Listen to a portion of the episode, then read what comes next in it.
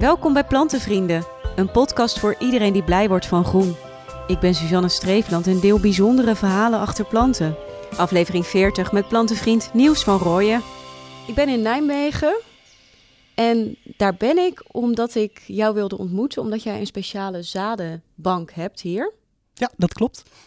We noemen die uh, zadenbank, dat, uh, we zijn hier de nationale zadencollectie aan het, uh, aan het opzetten. En dat is onderdeel van het Levend Archief. En het, het Levend Archief, daarmee willen we eigenlijk alle planten in Nederland willen we borgen voor de toekomst. En waarom ben jij daarbij betrokken? Nou, ik ben, zelf ben ik ecoloog.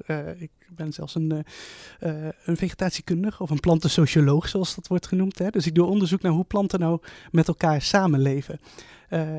en dat is dus hoe planten samenleven, is, is onderdeel van onze biodiversiteit. Hè? Dus we hebben al die soorten en je hoort dat het slecht gaat met insecten. Uh, maar we zien ook dat het met de planten ook niet zo goed gaat. Dus we hebben zo'n 2000 soorten planten in Nederland. Hè? Dan heb je het, het dikke flora-boek heb je dan compleet. Daar zitten de bomen in, daar zitten de varens in, daar zitten de kruiden in. maar als je goed gaat kijken naar die 2000 soorten, staan 700 van die 2000 soorten, bijna de helft, staan op de rode lijst. Dus die zijn in enige mate bedreigd. En als je dan verder gaat inzoomen en gaat kijken naar hoe rood ze op die rode lijst staan, zie je dat uh, bijna 10% daarvan, die zijn zo rood, knalrood, die weten we gewoon niet of ze over vijf jaar nog in Nederland voorkomen. Dat willen we voorkomen. Dus dat betekent dat we nu die planten moeten gaan redden. En dat zou je denken, nou dat kan je doen door naar zo'n plant toe te gaan, hem uit te steken en een potje te zetten. En hier in de proefkassen in Nijmegen, waar we nu zijn, uh, om, om ze hier netjes in potgrond en dan te gaan verwennen. Maar helaas zit de natuur natuurlijk wat ingewikkelder in elkaar. Uh, dus wat wij aan het doen zijn, we willen vooral het DNA willen veiligstellen, het genetisch kapitaal van de Nederlandse flora. En dat kan alleen maar via het verzamelen van zaden. En die zaden die verwerk je dan uh, in een koelkast of die leg je koud in een vriezer, zodat ze blijven overleven? Ja, nou, eerst gaan we dus op zoek naar zo'n populatie van, van planten. Hè. We weten dan precies wat er staat. Dan gaan we van alles gaan we daar uh, noteren, dat we precies weten waar staat het, wat zijn de omstandigheden nu. Die zaden we verzamelen dan, uh, die drogen we hier en dan kunnen ze inderdaad gewoon heel simpel in een koelkast. En sterker nog, als we het echt voor de lange termijn willen gaan bewaren, dan kunnen we die zaden zelfs invriezen. En dat doen we onder andere in Wageningen. Uh, vriezen we zaden, dus bij, bij min 20 vriezen we die in. En dan denken we dat we daar de zaden voor de komende 20 tot 30 jaar veilig hebben, zodat we ze over 30 jaar weer wakker kunnen maken en weer kunnen laten ontkiemen. En mogelijk kunnen we die planten dan gebruiken om weer, ze weer terug te brengen naar de plekken in de natuur waar ze verdwenen zijn. En hoeveel van die zaden heb je nu al verzameld van die 2000 soorten? Van die 2000 soorten zijn we, uh, we zijn net begonnen. Dus uh, we hebben ze nog lang niet allemaal. Maar we hebben nu wel zo'n uh, 150 tot 200 soorten hebben we al in de collectie staan. maar dat betekent niet dat we daarmee ook klaar zijn als we een soort hebben. Want we weten nu bijvoorbeeld dat als je een, noem een soort zoals de gewone magriet, klinkt heel gewoon. Maar een gewone magriet die in Friesland groeit, is niet dezelfde gewone magriet die in Zuid-Limburg groeit. Of de magriet die in Zeeland voorkomt. Want ze zijn net allemaal net iets anders aangepast op de lokale omstandigheden. Dus we hebben die magriet hebben we hier in die koelkast staan. Maar hier komt hij alleen maar vanuit Midden-Nederland, vanaf de dijken. Maar we, zijn, we willen dus ook nog populaties gaan bemonsteren in het noorden van het land, in het westen en in het zuiden. Om zo echt die hele variatie van die ene soort in die collectie te hebben. En eentje die je ook in de collectie hebt, die in de koelkast ligt hier, dat is het rode peperboompje. Het rood peperboompje, inderdaad. Nou, dat is wel een heel bijzondere soort. Dat is uh, heel zeldzaam. Komt eigenlijk uh, alleen maar in Zuid-Limburg voor. En daar, die paar planten die daar nog staan, uh, daar zijn we bang dat die planten het, het ook niet gaan overleven. Dus die soort die willen we ook gaan borgen voor de toekomst. En we zijn nu bezig om te kijken naar plekken waar we roodpeperboompje kunnen herintroduceren. Dus op plekken waar die vroeger stond, die informatie hebben we. We hebben, we hebben gegevens van wel 100 jaar geleden, dus we weten goed waar die planten stonden. Gaan we kijken van wat heeft die plant nodig om op die plek terug te keren. En dat gaat hij niet zelf doen. Dus die zaden die op die paar plekken in Zuid-Limburg nu, uh, nu van nature rijpen, die hebben niet meer de kans om op die oude plekken terug te komen. Dus daar proberen we vanuit Levend Archief het rood peperboompje bij te helpen. En het rode peperboompje is wel een beetje een misleidende naam. Ja, het is, uh, nou, de, de, naam is echt, uh, dat is al een verhaal op zich. Het is echt een geweldige plant. Ik zal even beschrijven. Rood peperboompje is een, uh, is een dwergstruikje.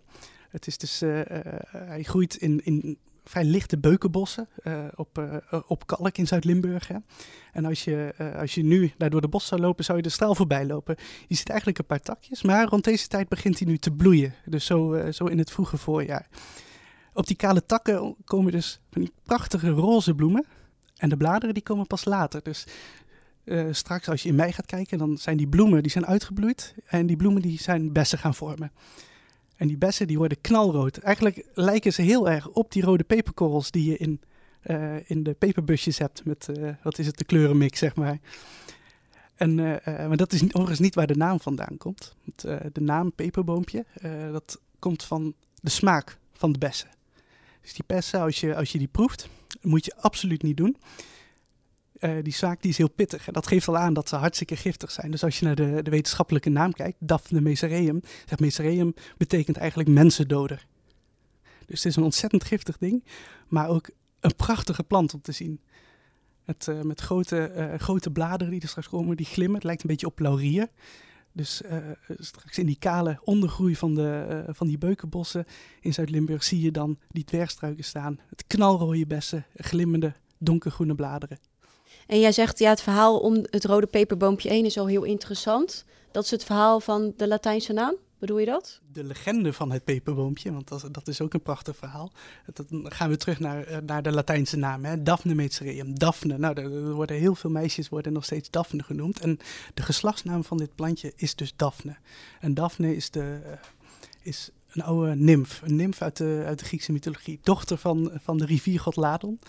En uh, Daphne, die werd getreiterd. Ze werd achterna gezeten eh, door Apollo, de, de zonnegod. Nou, die was verliefd op haar geworden. Hij had, uh, hij had ruzie gekregen met Eros, Cupido, zeg maar. En uh, die heeft, voor straf heeft hij een pijl op Apollo afgeschoten. En die pijl die heeft Apollo geraakt op het moment dat hij Daphne zag. De nymf, dochter van de riviergod aan de rivier. Hij werd stapel verliefd op Daphne. En hij begon er eigenlijk te stalken. Nou, en, en zij nou, irriteerde zich daar natuurlijk aan en ze probeerde te vluchten voor Apollo. Maar dat lukte niet. Dus ze verzonnen een list. Wat nou als ik me verander? En ze veranderde in een laurierstruik. En een laurierstruik uh, heeft dezelfde bladeren als een rood peperboompje.